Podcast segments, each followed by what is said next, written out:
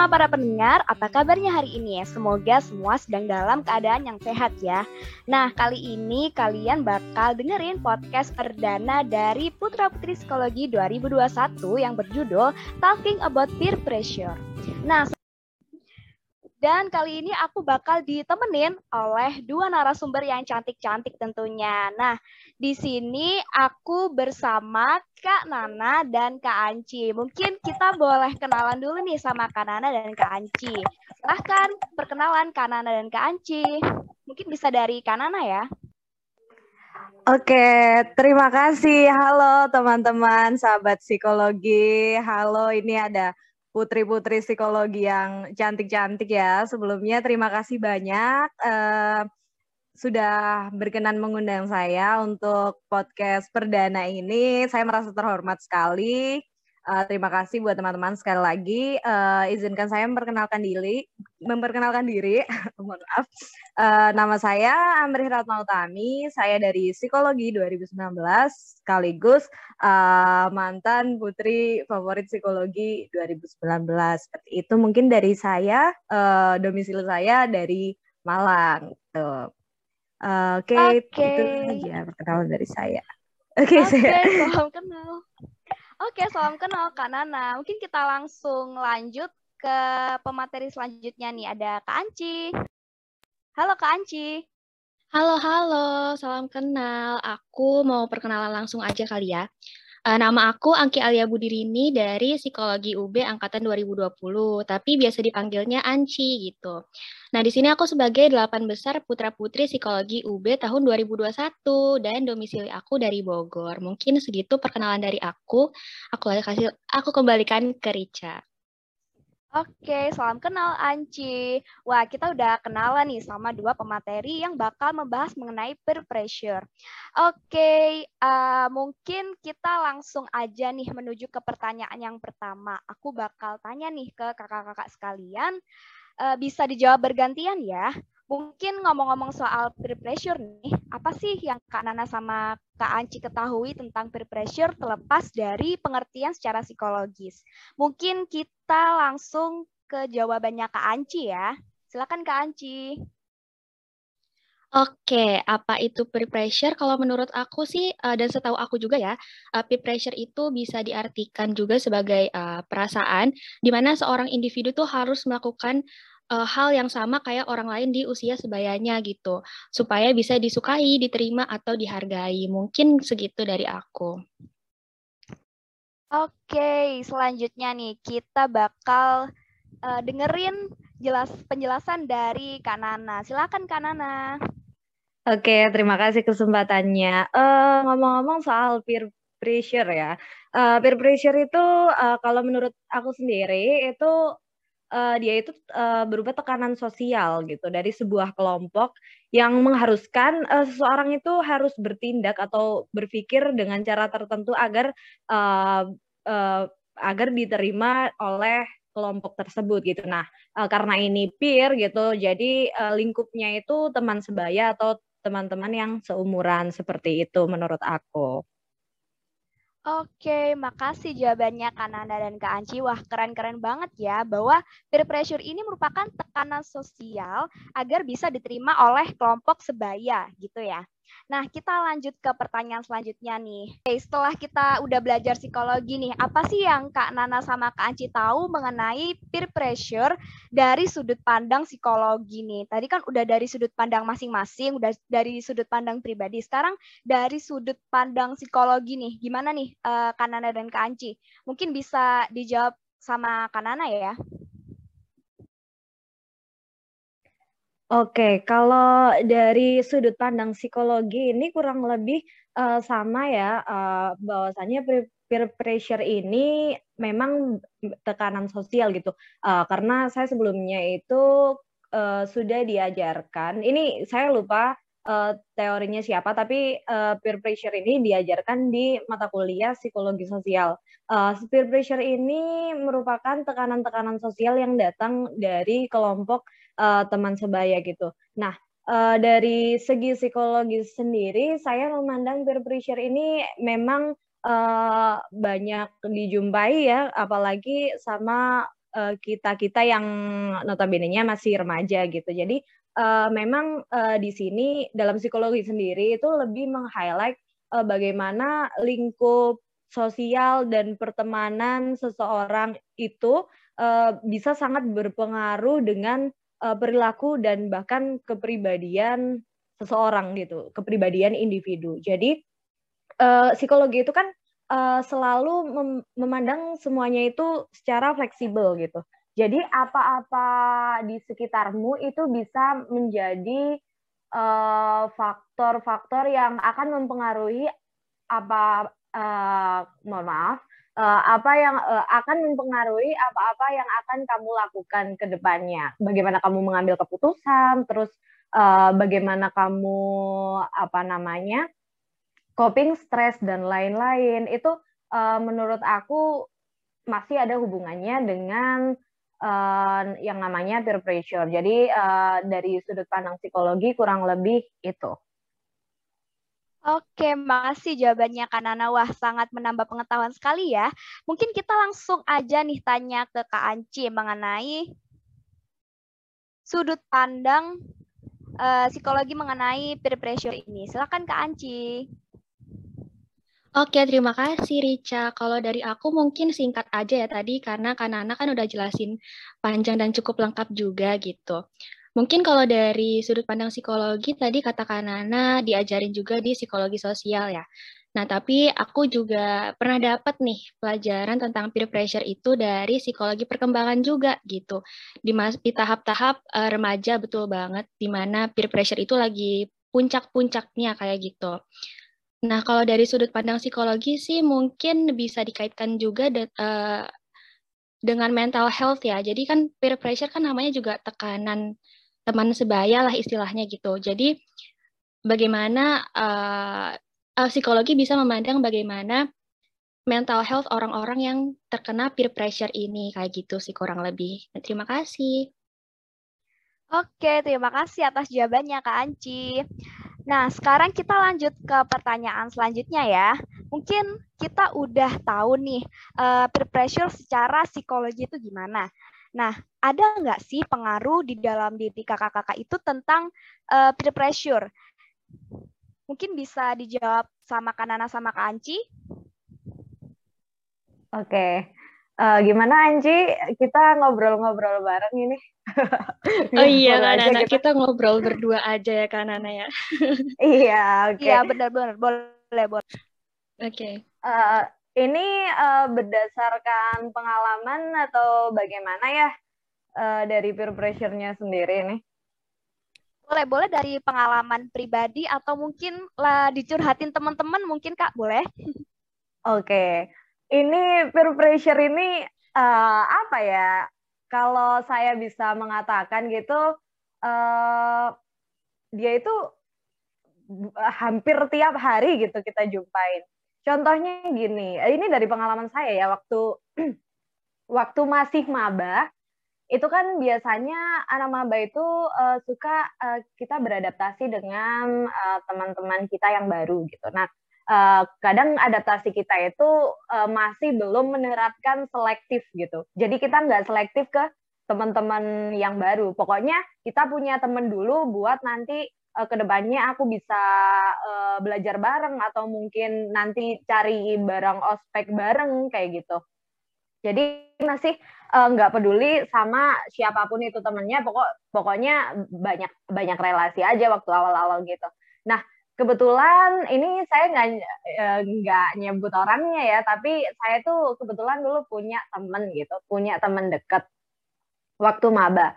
Terus uh, mereka itu, uh, mohon maaf, uh, mereka itu hedon gitu, karena mereka dari luar kota, maksudnya dari luar kota Malang gitu, bukan asalnya dari Malang. Nah, saya saya sendiri kan uh, aslinya dari desa gitu, dari kabupaten. Nah, saya kan orangnya memang tidak pernah yang namanya milih-milih teman dari dulu. Siapa pun, gimana pun aku temenin. Cuman pada saat itu uh, karena mereka notabene-nya mereka itu anak-anak orang yang menengah ke atas sedangkan saya orang-orang yang standar bahkan bisa dikatakan menengah ke bawah gitu. Nah pada saat itu saya itu uh, pulang dari acara kumpul bersama. Nah teman-teman saya itu selalu uh, ngajakin pulang, uh, ayo kita ke kafe gitu, ayo kita ke kafe. Aku aku kan uh, sebenarnya pengen gitu ikut tapi aku juga ingat di sini aku kan niatku cuma kuliah aku nggak uh, kalau misalnya nggak penting apalagi kalau sampai menghambur-hamburkan uang itu mending aku nggak usah ikut gitu.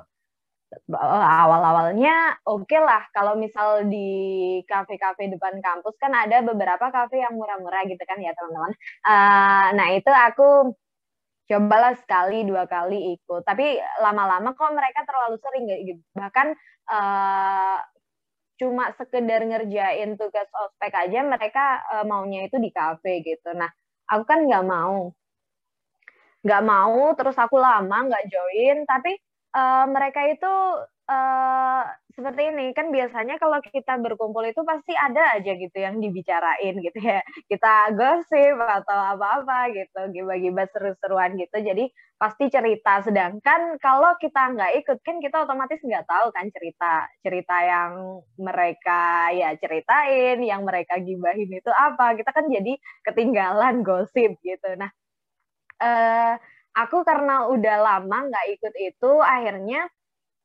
uh, aku itu sudah aku tuh nggak tahu apa cerita-cerita mereka yang tiap di kelas itu diceritain gitu. Jadi tiap uh, semenjak aku nggak ikut, mereka itu kayak uh, ada hal-hal seru yang uh, mereka ceritakan. Jadi kayak uh, oh ya ingat nggak yang tadi malam gini gini gini itu hampir uh, banyak ya dari satu kelas itu hampir sebagian itu hampir 50% itu tahu gitu cerita itu. Sedangkan aku aku kan uh, yang bagian dari katakanlah geng mereka ya itu nggak tahu sama sekali gitu. Jadi, waduh, aku kok kudet banget ini gitu.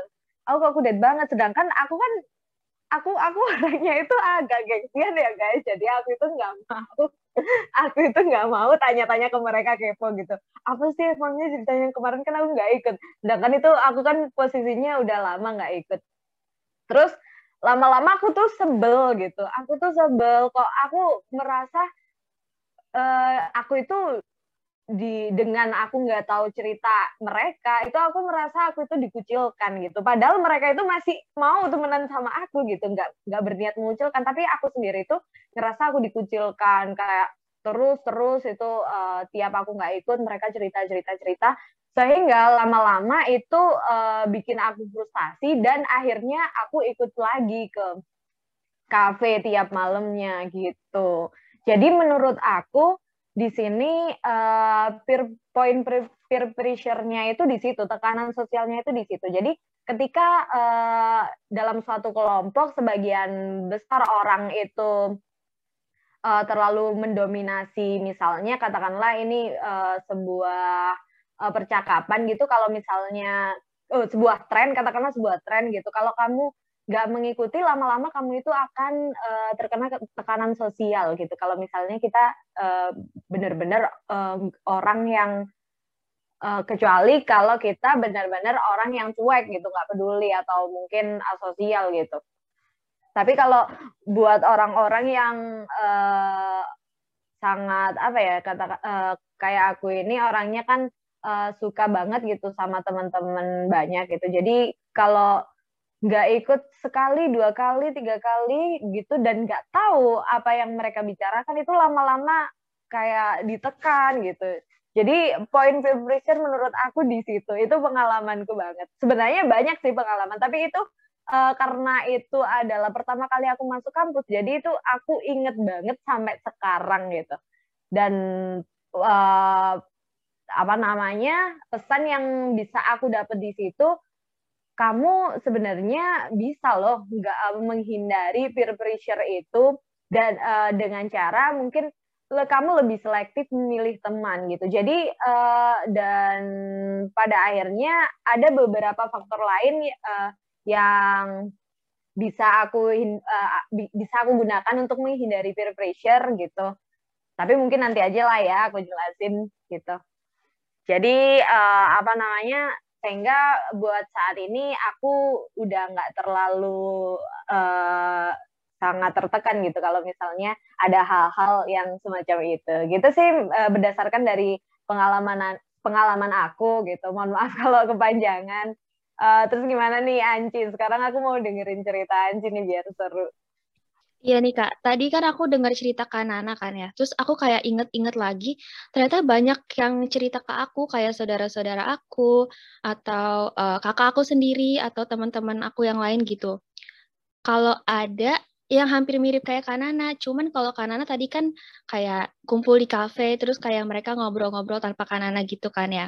Kalau yang ini tuh lebih ke, aduh aku kaitin sedikit sama teori ya, mumpung aku lagi inget juga gitu. Jadi ada teori dari um, pernah baca dari Klassen and Brown kalau nggak salah. Itu ada dimensi-dimensinya gitu kan, peer pressure. Nah, ini ada dimensi um, tekanan conformity to peer norms. Jadi dia kayak tekanan dari teman sebaya ya pastinya untuk mengikuti segala norma yang terhad eh, yang terdapat pada kelompok suatu kelompok gitu. Nah, jadi ini cerita dari kakakku. Jadi ada loh kalau misal ada kelompok-kelompok uh, sebaya yang mengharuskan teman-temannya itu buat pakai barang tertentu gitu. Kayak misal uh, harus pakai HP terbaru, harus pakai sepatu yang paling mahal kayak gitu. Kalau enggak nggak bisa gabung ke geng kita kayak gitu loh. Banyak banget kelompok-kelompok yang kayak gitu dan tapi alhamdulillahnya aku nggak pernah masuk ke kelompok kayak gitu ya. Jadi masih aman-aman aja gitu.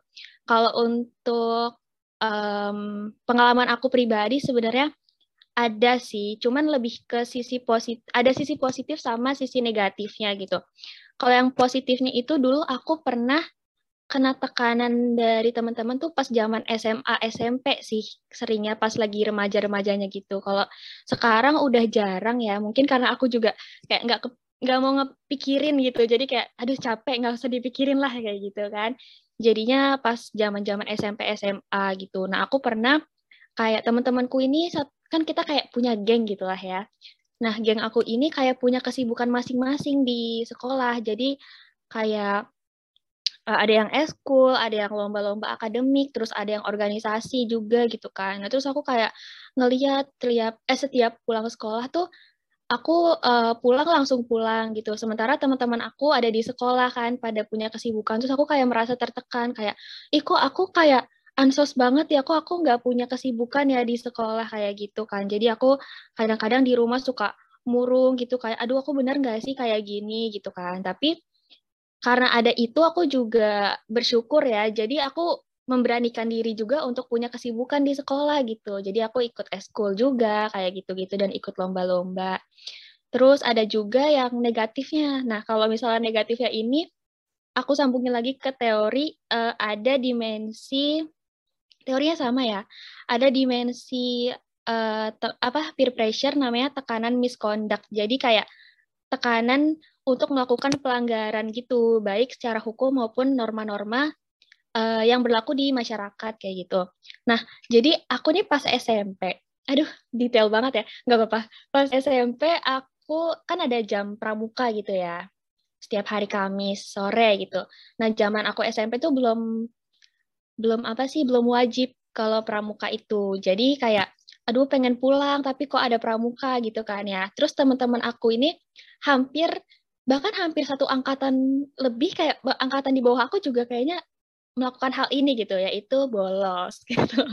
Aduh sebenarnya ini jangan ditiru ya tapi uh, mereka tuh pada bolos gitu kayak kabur-kaburan gitu dari sekolah gitu kan. Jadinya kayak aku pengen ikut pramuka tapi aku juga pengen pulang juga gitu kan karena ngelihat teman-teman aku pulang soalnya kalau misalnya aku ada di sekolah terus malah kayak ngingetin teman aku kayak eh ayo pramuka aja gitu kan takut masuk rapot gini gini gini takutnya nanti aku dibilang, ih kok kamu taat aturan banget sih, kayak gitu-gitu. Nah, aku takut kehilangan teman kan, jadi kayak aku ikut bolos tuh akhirnya gitu. Tapi jangan dicontoh ya, sebenarnya ini yang untuk yang mendengar ini jangan dicontoh gitu. Mungkin pengalaman dari aku gitu sih kurang lebih.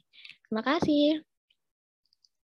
Oke, makasih ya atas sharingnya Kanana sama Kak Anci. Ini menarik banget nih bahwa uh, peer pressure ini bisa menyerang dalam tanda kutip ya itu dari masa remaja menuju menuju masa dewasa awal gitu ya uh, Kanana sama Kak Anci mungkin uh, kita langsung lanjut aja nih ke pertanyaan selanjutnya um, mungkin bisa lebih dijelasin nggak sih uh, ketika mengalami peer pressure itu Kak Anji sama Kak di luar dari uh, sekolah ataupun di luar dari kuliah itu sering nggak sih mengalami mengalami peer pressure itu di kehidupan yang sehari-hari? Misalnya kayak di lingkungan uh, di lingkungan rumah atau di lingkungan uh, pertemanan yang notabene itu di luar dari uh, lingkungan kuliah sama lingkungan sekolah gitu. Nah, kalau misalnya sering nih, kira-kira penyebabnya apa sih?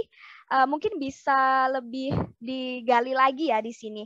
Dan juga nih, pengaruh peer pressure terhadap uh, Kak Anci sama Kak Nana itu gimana? Bi mungkin bisa diceritakan lebih jelas nih, karena aku penasaran banget tentang peer pressure ini. Uh, mungkin kita bisa langsung aja ke jawabannya Kak Nana lagi ya. Oke, jadi sebelum podcast ini dimulai gitu, aku sempat sharing-sharing gitu ya sama teman-teman, diskusi gitu sama teman kelas. Alhamdulillah teman kelasku itu pada baik-baik semua gitu. Jadi uh, tiap kali uh, apa namanya ada sesuatu ilmu yang mungkin pengen-pengen ditanyain gitu, pasti mereka bakalan ngumpul di grup terus diskusi bareng gitu. Nah, uh, tadi aku diskusi soal peer pressure ini. Nah, kemudian aku iseng tanya ke mereka kira-kira uh, bisa nggak sih peer pressure ini di apa dipengaruhi oleh yang namanya figur otoritas. Terus ada salah satu temanku bilang bisa gitu karena figur otoritas kan dia yang punya kekuasaan meskipun katakanlah dia seumuran sama kita gitu. Nah ini uh, berdasarkan pengalamanku uh, ceritanya ini aku yang jadi orang yang melakukan peer pressure ini kepada orang lain gitu.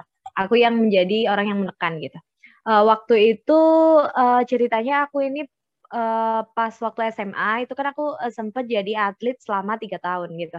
Nah uh, dalam atlet bela diri, ya aku atlet bela diri dan dalam bela diri itu kan ada yang namanya hierarki gitu ya. Hierarkinya ketat banget loh kalau di bela diri itu. Jadi ada tingkatan-tingkatan. Kebetulan waktu terakhir kali aku jadi atlet itu uh, tingkatanku itu sudah uh, tingkatan yang kedua gitu karena ada uh, beberapa tingkatan ya aku lupa. Pokoknya uh, dua sebelum sabuk hitam. Jadi di situ posisinya aku sabuk biru. Dan karena uh, sebenarnya ada uh, itu kan awalnya aku ikut atlet itu kan dari ekstrakurikuler. Jadi ada uh, apa namanya murid biasa. Murid biasa itu namanya Kensi. Sedangkan aku sendiri itu posisinya di situ sudah jadi atlet kabupaten seperti itu. Jadi eh, yang sering-sering diajukan ke kejuaraan provinsi seperti itu. Dan uh, ngomong-ngomong soal peer pressure dulu itu waktu latihan gitu kan pasti uh, yang senior-senior kayak aku gitu uh, yang sabu biru, sabu coklat, sabu hitam itu kan pasti uh, jadi pelatih kan pelatihnya biasanya sabu hitam. Nah yang sabuk coklat sama sabuk biru ini sudah bisa menjadi yang namanya asisten pelatih gitu. Jadi uh, karena aku sendiri juga sudah ada namanya gitu ya di KONI uh, sudah jadi atlet resmi. Jadi uh, tiap kali ada latihan biasa di luar training center itu aku pasti uh, ngebantu pelatihku yang sudah sabuk hitam itu buat ngelatih uh, kensi-kensi atau murid-murid yang baru gitu. Nah di situ uh, aku ngerasain banget gimana uh, nekan orang gitu. Uh, uh, aku jadi gimana ya? Kalau kita berperan jadi figur otoritas itu meski, uh, walaupun kita mungkin tidak secara langsung ingin menekan gitu, tapi kita pasti uh, melakukan penekanan itu gitu. Jadi posisinya uh, di pengalamanku itu uh, dulu aku nggak tahu ya sebenarnya aku, aku itu orangnya aku itu orangnya family friendly guys. Aku itu juga sering bercanda bahkan sering nggak diang saking sering bercandanya itu sampai teman-temanku di kampus itu nggak pernah gitu uh, nganggap aku serius. Aku jadi PJ kelas pun aku sering dikira ngeprank kalau ngasih pengumuman itu saking sebercanda itu aku gitu. Si paling bercanda. Oke, okay, jadi pas aku uh, jadi senior di atlet itu aku sering latih dan itu uh, kayak mereka itu kita itu sepantaran tapi karena mereka posisinya itu uh, di mereka itu bukan atlet terus juga ada yang mereka sepantara aku tapi uh, tingkatannya itu di bawah aku kan otomatis mereka manggil aku itu senpai gitu senior gitu senpai terus mereka itu juga takut gitu sama aku kalau di latihan ya kalau di luar latihan biasa gitu tapi kalau di latihan itu mereka pasti kayak takut gitu jadi uh, mereka pun berbuat salah itu pasti langsung menyadari kesalahannya sendiri dan langsung kayak uh, melakukan hukuman gitu.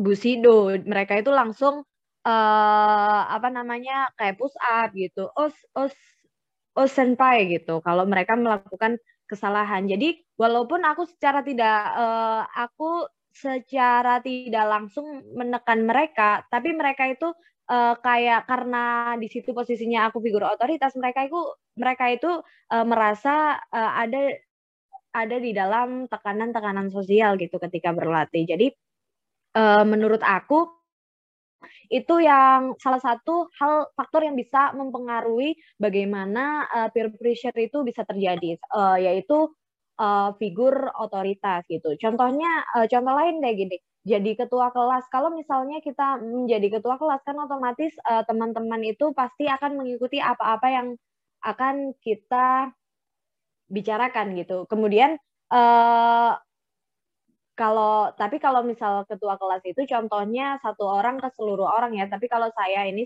uh, kalau pengalaman saya itu jadi atlet tadi seniornya karena banyak gitu. Jadi uh, junior juniornya juga ikut uh, patuh gitu. Jadi uh, tidak hanya kelompok saja kadang ya, tapi tekanan sosial itu bisa hadir dari satu orang ke banyak orang. Seperti itu sih menurut saya dari uh, sudut pandang lain seperti itu. Oke, terima kasih jawabannya Kanana. Wah, menarik banget ya bahwa Kanana sendiri pun uh, pernah gitu ya menjadi orang yang me orang yang melakukan peer pressure kepada orang lain seperti itu ya karena betul, mungkin betul. kalau okay, tapi itu secara positif ya iya bukan secara negatif gitu ya Kanana betul okay. positif dari Kak Anci nih mungkin uh, ada nggak sih pengalaman yang di luar dari uh, sekolah ataupun di luar dari uh, lingkungan kampus gitu atau atau bahkan di lingkungan keluarga sendiri gitu Kak Anci. Mungkin boleh sharing-sharing juga nih. Oke, terima kasih Rica. Kalau dari aku sih tadinya aku pengen bilang nggak ada gitu ya selain dari sekolah sama uh, lingkungan kampus. Tapi uh, setelah aku dengar cerita Kanana tadi, aku jadi inget ternyata aku juga pernah jadi orang yang melakukan peer pressure. Cuman aku juga nggak nggak sadar dan nggak se kan kalau Kanana tadi kan katanya dari uh, otoriter ya gitu. Nah, kalau aku ini lebih ke gimana ya? Uh, aku ceritain gini aja deh. Kan aku ada kayak komunitas gitu karena hobiku kan kayak ngedance gitu ya. Nah, aku ada komunitas dance uh, online. Terus uh, di situ tuh kita sering uh, collab-collab atau sharing-sharing kayak gitu-gitu kan. Uh, mengenai tentang dance gitu-gitu. Nah, ini tuh aku nggak tahu ya, padahal aku juga nggak maksud apa gimana, tapi tiba-tiba banyak dari apa member-member komunitas dance ini yang ngechat aku pribadi gitu kan sampai kayak bilang aku iri banget sama kamu kamu kok bisa ini bisa itu gitu kan kamu gimana sih badannya bisa kayak gini bisa kayak gitu gitu dan aku sendiri kayak aduh aku nggak tahu gimana gitu kan. Mungkin aku bilangnya cuma latihan aja latihan aja gitu. Tapi uh, saat aku ngomong kayak gitu aku juga mikir kayak aduh ini aku ngasih mereka tekanan gak ya? Kayak nyuruh mereka latihan atau takutnya tuh mereka nganggep aku nganggep mereka kurang latihan makanya mereka nggak bisa kayak gitu gitu. Padahal tuh enggak karena aku bingung jawabnya kayak gimana gitu kan. Jadi aku jawab kayak gitu. Uh, ya mungkin itu sih dan sampai sekarang aku juga nggak tahu gimana cara untuk jawab mereka uh, maaf sebentar Ya, jadi ya mungkin aku sempat jadi orang yang melakukan peer pressure tanpa aku sadari gitu. Untuk yang mendengar, siapa tahu ada teman-teman aku yang mendengar ini, aku minta maaf ya teman-teman gitu sih. Mungkin pengalaman dari aku. Oke, terima kasih atas jawabannya Kak Anci. Wah, ternyata uh, menarik banget ya bahwa uh, kita itu bisa melakukan peer pressure secara tidak sadar meskipun itu konteksnya positif ataupun negatif gitu. Nah, mungkin kita langsung last question aja nih karena Kanana sama Kak Anci itu pernah mengalami peer pressure ya, itu uh, cara menyikapi kalau misalnya kita merasakan atau berada di situasi yang sama, uh, yaitu situasi peer pressure, gimana sih cara menyikapi agar tidak kembali ke masa-masa peer pressure itu? Mungkin kita langsung dengar nih jawaban dari Kak Nana.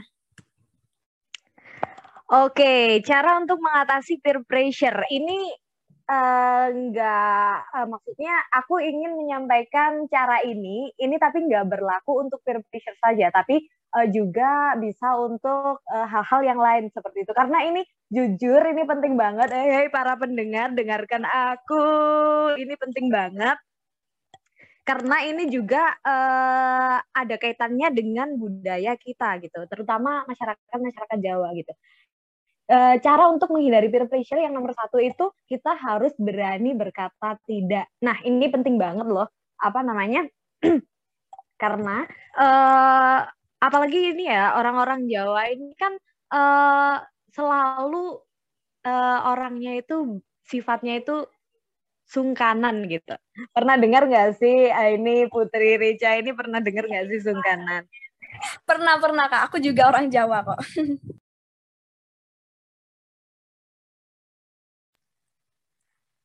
Mungkin bisa dilanjut kan Nana?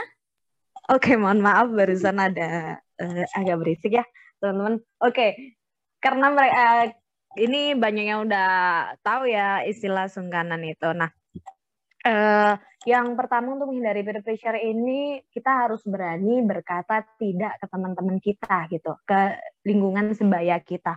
Bahwasanya uh, ada hal-hal yang nggak harus kita ikuti gitu.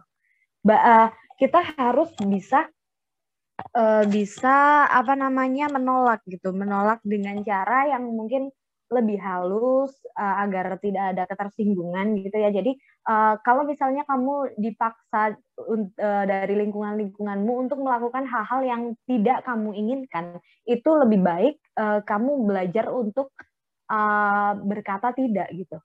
Enggak, mo mohon maaf, saya tidak mau. Mohon maaf, saya tidak menyukai itu gitu. Mohon maaf saya belum berminat. Itu lebih baik karena uh, ngata uh, berkata tidak itu emang susah banget guys, uh, susah banget dan apalagi untuk orang-orang yang mungkin budayanya itu sungkanan gitu kan, uh, kita takut banget uh, mereka itu sampai tersinggung. Tapi kalau misalnya kalian nggak mau berkata tidak, sedangkan di situ posisinya kalian itu nggak mau melakukan itu dan itu membuat kalian itu tidak nyaman, ya yang akan rugi kan diri kalian sendiri. Kalau mereka kan uh, pasti dapat keuntungan karena banyak pengikut gitu. Misal katakanlah dalam sebuah komunitas deh mereka ngajakin misal satu komunitas semua uh, mereka uh, ini ya mereka ngerokok gitu katakanlah mereka ngerokok semua terus kamu nggak ngerokok sendiri terus kamu dipaksa-paksa terus uh, dipaksa-paksa untuk ngerokok. Ala kamu cupul sampai um, mungkin dikata-katain kayak gitu dibully gitu. Kamu coba nggak ngerokok? Masa nggak ngerokok sih? Padahal katanya kita teman katanya kita teman gitu. Nah itu uh, kalau misalnya menurut kamu itu hal-hal yang uh, ranahnya ke negatif terus itu lebih banyak merugikan kamu daripada memberikan sebuah benefit lebih baik kamu berkata tidak gitu. Aku tidak mau. Coba coba dari sekarang itu ya ini buat pendengar-pendengar sahabat psikologi semuanya.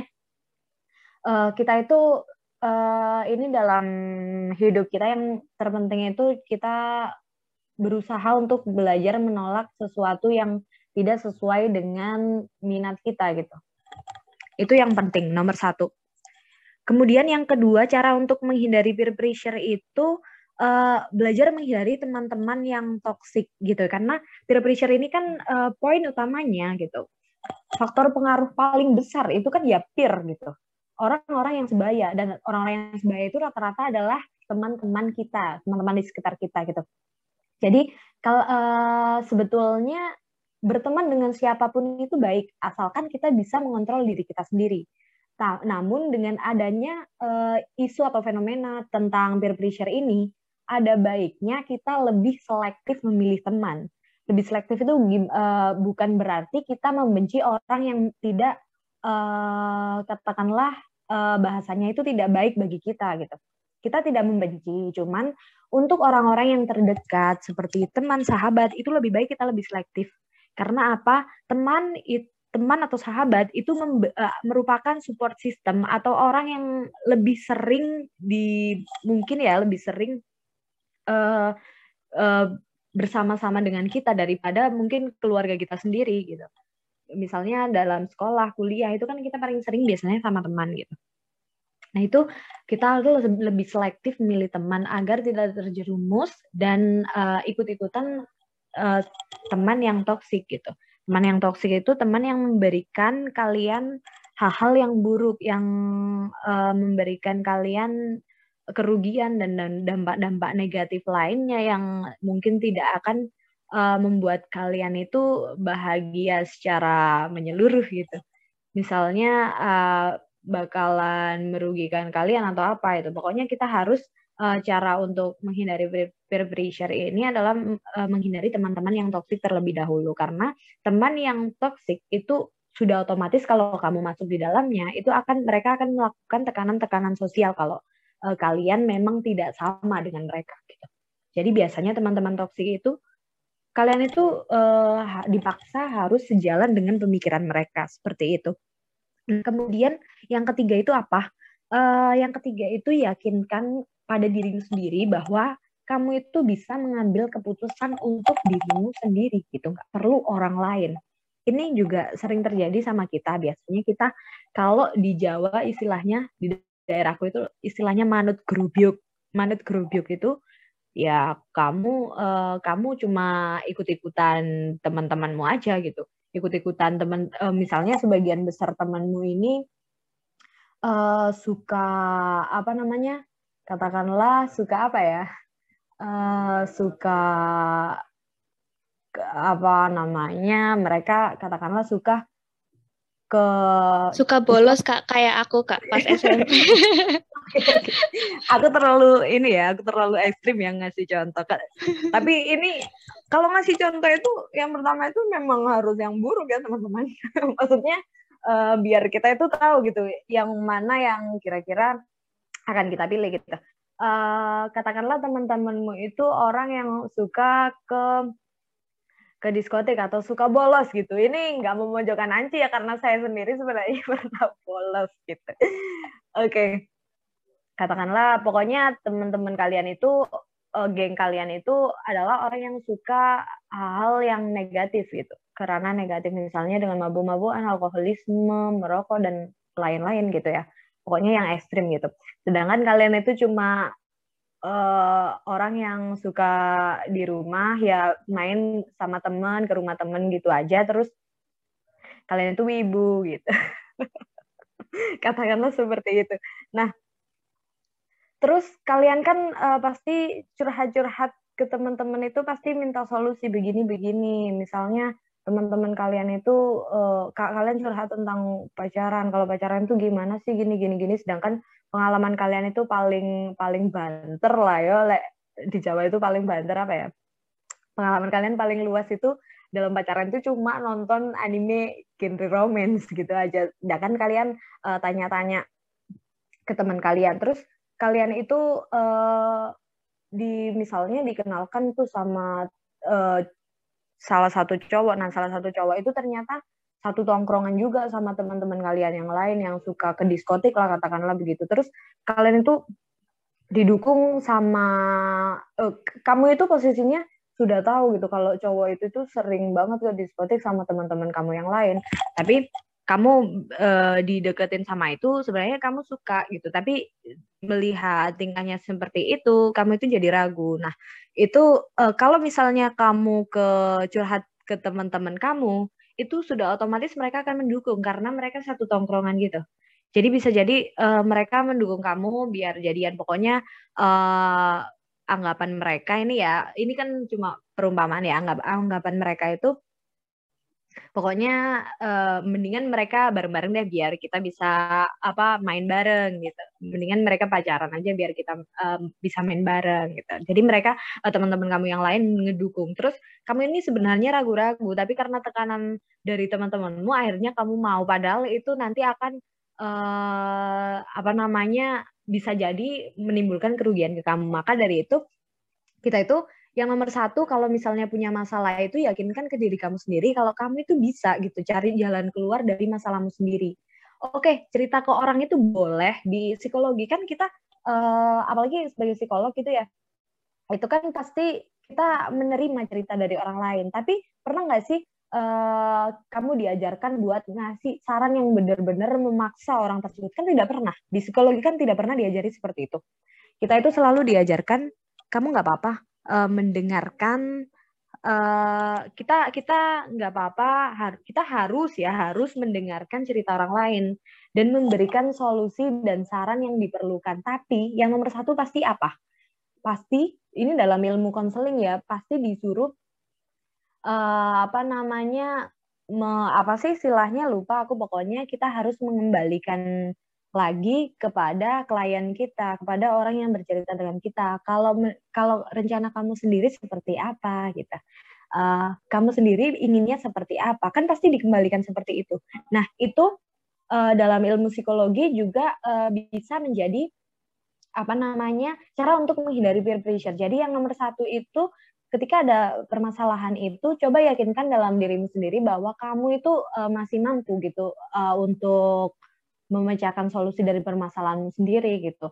Nah, kemudian yang kedua kalau misalnya kamu emang mentok gitu nggak bisa menyelesaikan permasalahanmu sendiri, cobalah mengambil keputusan dengan uh, keluarga kamu terlebih dahulu. Jangan jangan ke teman dulu. Oke, teman nggak apa-apa curhat, tapi uh, jangan terlebih uh, secara impulsif kamu mengambil keputusan berdasarkan teman kamu itu karena bisa jadi apa yang dibicarakan teman kamu itu adalah hal yang nanti akan membawa keburukan lebih uh, apa namanya lebih buruknya lagi gitu. Jadi itu. Uh, kemudian yang terakhir, uh, oke okay, bergaullah dengan orang-orang yang positif itu sama uh, ini berkebalikan dengan uh, bukan berkebalikan ya, pokoknya uh, berhubungan dengan jauhi teman-teman yang toksik itu. Jadi kita harus bisa selektif terhadap teman gitu. Terus uh, ini yang terakhir ya baru yang terakhir gantilah topik pembicaraan ketika kamu sudah merasa tidak nyaman dalam sebuah kelompok gitu. Jadi misalnya misalnya kalian uh, lagi kumpul-kumpul sama temanmu gitu sama teman segengmu terus tiba-tiba ada uh, teman uh, katakan lagi nih teman-teman kamu itu ya yang merokok tadi lah merokok tadi katakan merokok teman-teman merokok semua terus kamu di boleh gitu. Uh, ayo ayo kamu kamu harus bisa ngerokok gini gini gini. Kamu ini cupu katanya kita teman gitu. Kalau misalnya kamu sudah nggak nyaman yang pertama tadi pilihan yang pertama ya untuk menghindari kamu harus menolak dengan halus. Misalnya enggak aku nggak ngerokok. Terus coba ganti pembicaraan. Eh kamu tahu nggak sih misal ini pembicaraannya secara fleksibel aja yang mungkin teman-teman kamu itu bakalan nyambung semua. Jadi topik topik pembicaraan dari tekanan sosial tadi yang memaksa kamu untuk misalnya merokok tadi itu akan beralih ke topik pembicaraan yang lain yang mungkin tidak akan menimbulkan yang adanya peer pressure seperti itu. Itu sih menurut aku dari beberapa poin uh, yang bisa untuk menghindari peer pressure gitu. Jadi uh, coba aku ulas yang pertama tegas untuk mengatakan tidak, terus uh, belajar menghindari orang-orang toksik dan uh, berkumpul dengan orang-orang yang positif, terus meyakinkan diri bahwa kamu bisa mengambil keputusan untuk dirimu sendiri dan yang terakhir adalah ganti topik pembicaraan ketika kamu sudah merasa tidak nyaman. Seperti itu dari aku. Saya kembalikan lagi ke moderator. Silakan. Oke, terima kasih Kak Nana. Wah, eh, banyak banget ya tips dari Kak Nana buat teman-teman psikologi ataupun para pendengar yang uh, pernah atau tidak ingin mengulangi peer pressure itu lagi. Nah, itu kalau dari Kanana. Kalau dari Kak Anci, gimana nih cara menyikapi peer pressure? Silahkan Kak Anci. Oke, terima kasih ya uh, kesempatannya. Kalau misalnya aku, uh, tadi kan Kanana untuk orang-orang banyak gitu ya, untuk para pendengar gitu. Kalau di sini aku lagi-lagi mau berbagi menurut aku aja ya, dan menurut apa yang telah aku lalui gitu loh dari berdasarkan pengalaman-pengalaman aku kayak gitu. Kalau berdasarkan pengalaman aku tadi kan aku sebutin juga kalau misalnya aku ini ngalamin peer pressure ya ada yang positif dan ada yang negatifnya juga gitu. Nah awalnya aku tuh bingung gimana cara menyikapinya gitu kan. Tapi kalau dipikir-pikir lagi pas aku ngalamin peer pressure ada sisi positifnya itu tadi. Jadi uh, aku terima terus yang penting tuh dijadiin motivasi juga uh, diambil yang positifnya dan buang yang negatifnya. Terus juga apa ya berpikiran terbuka gitu.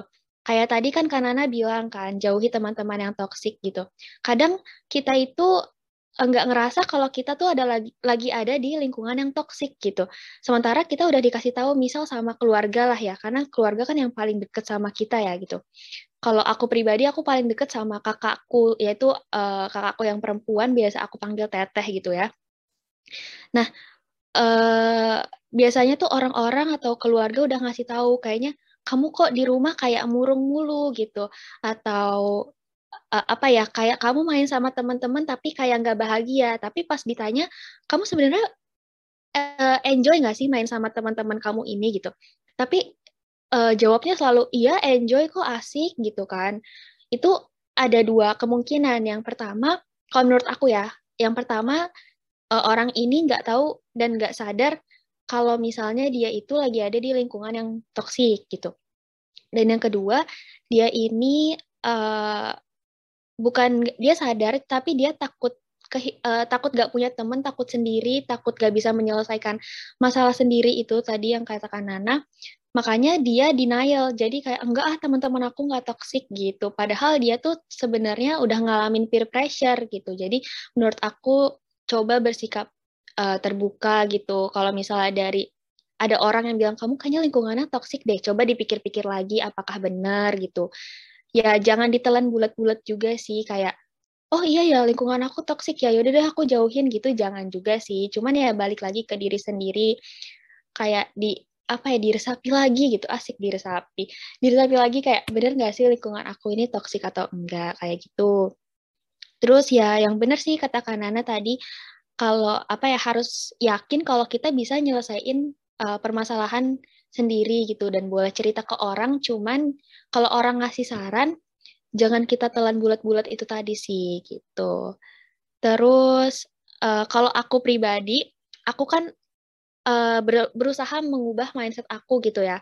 Awalnya aku takut nggak punya teman, takut sendirian. Aku ubah mindset aku uh, itu pas aku nemu uh, quotes gitu. Jadi ini jadi moto hidup aku juga sih. Maaf ya aku cerita. Jadinya waktu itu aku nyari-nyari nih di Pinterest gitu kan, kayak lagi murung, lagi ngalamin peer pressure lah ya ceritanya. Terus aku nyari-nyari di Pinterest ini quotes-quotes apa ya gitu kan, pengen uh, pengen aku up gitu di media sosial gitu kan.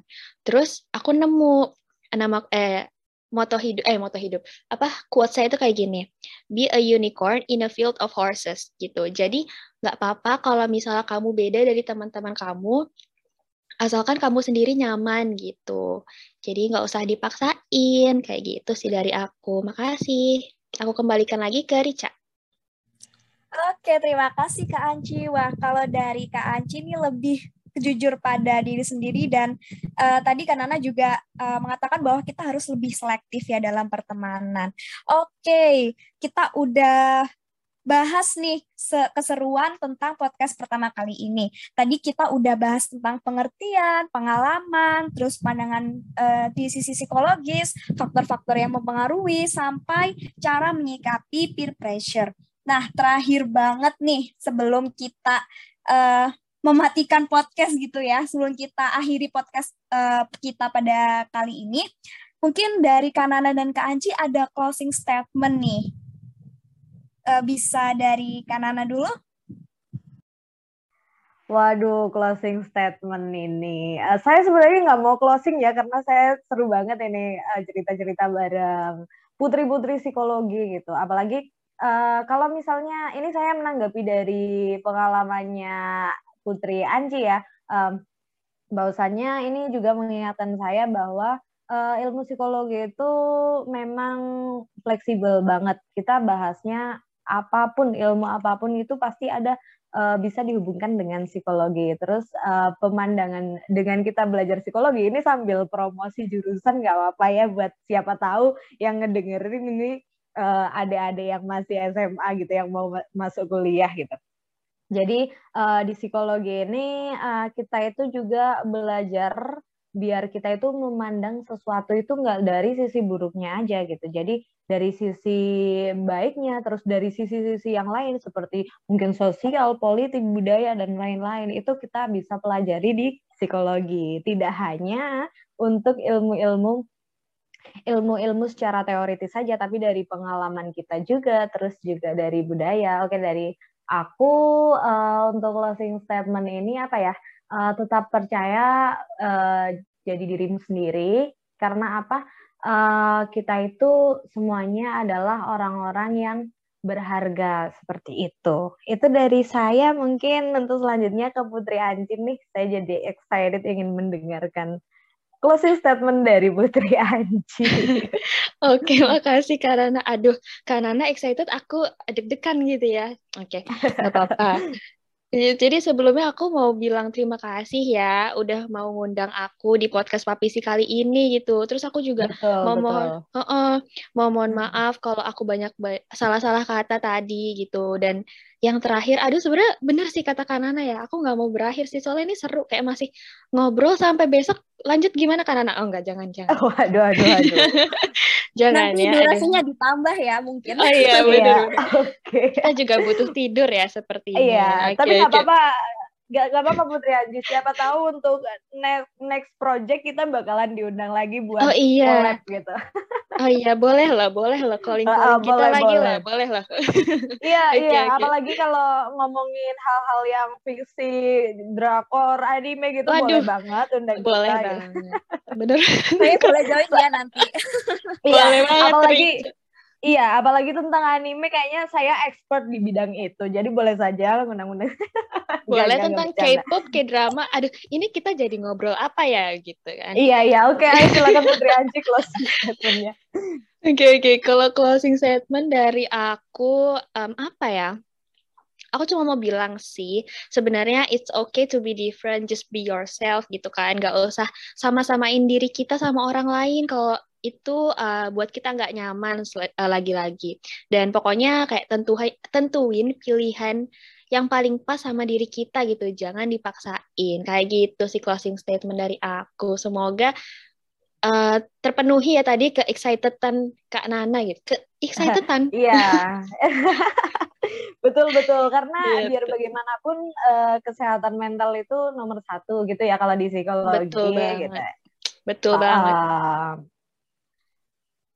Oke, terima kasih atas closing statementnya Kak Anci sama Kak Nana. Nah, kita benar-benar ada di penghujung podcast nih, para pendengar. Uh, aku berharap nih yang udah disampaikan sama Kak Nana, Kak Anci itu bakal bermanfaat untuk kalian semua ya. Dan semoga juga di podcast perdana kali ini kita bisa mem kita bisa uh, membuka pengetahuan baru dan wawasan baru mengenai peer pressure. Nah, Uh, terima kasih banyak untuk Kak Anci, Kak Nana atas ketersediaan kakak-kakak sekalian di podcast perdana Papisi ini. Semoga nggak kapok-kapok ya buat datang dan mampir ke proker-proker Papisi selanjutnya. Oke, seru banget loh guys. Dengerin loh, awas gak dengerin loh. Iya loh, dengerin loh. Ini seru banget loh percakapan kita nggak kerasa udah lama. Betul. Okay. Kalau misalnya banyak yang dengerin nanti uh, aku sama uh, Putri Anci bakalan diundang lagi katanya gitu. Aduh, aduh. Boleh, boleh. Oke. Okay. Oke, okay. okay, kalau gitu aku tutup dulu ya Kak Anci sama Kak Nana. Makasih okay, banyak boleh. atas sharing ilmu dan pengalamannya. Kalau gitu kalau gitu aku moderator uh, Rika mengucapkan banyak terima kasih untuk teman-teman yang udah mendengarkan sampai sejauh ini. Dan kurang lebihnya aku mohon maaf. Sampai jumpa di podcast selanjutnya. Dadah!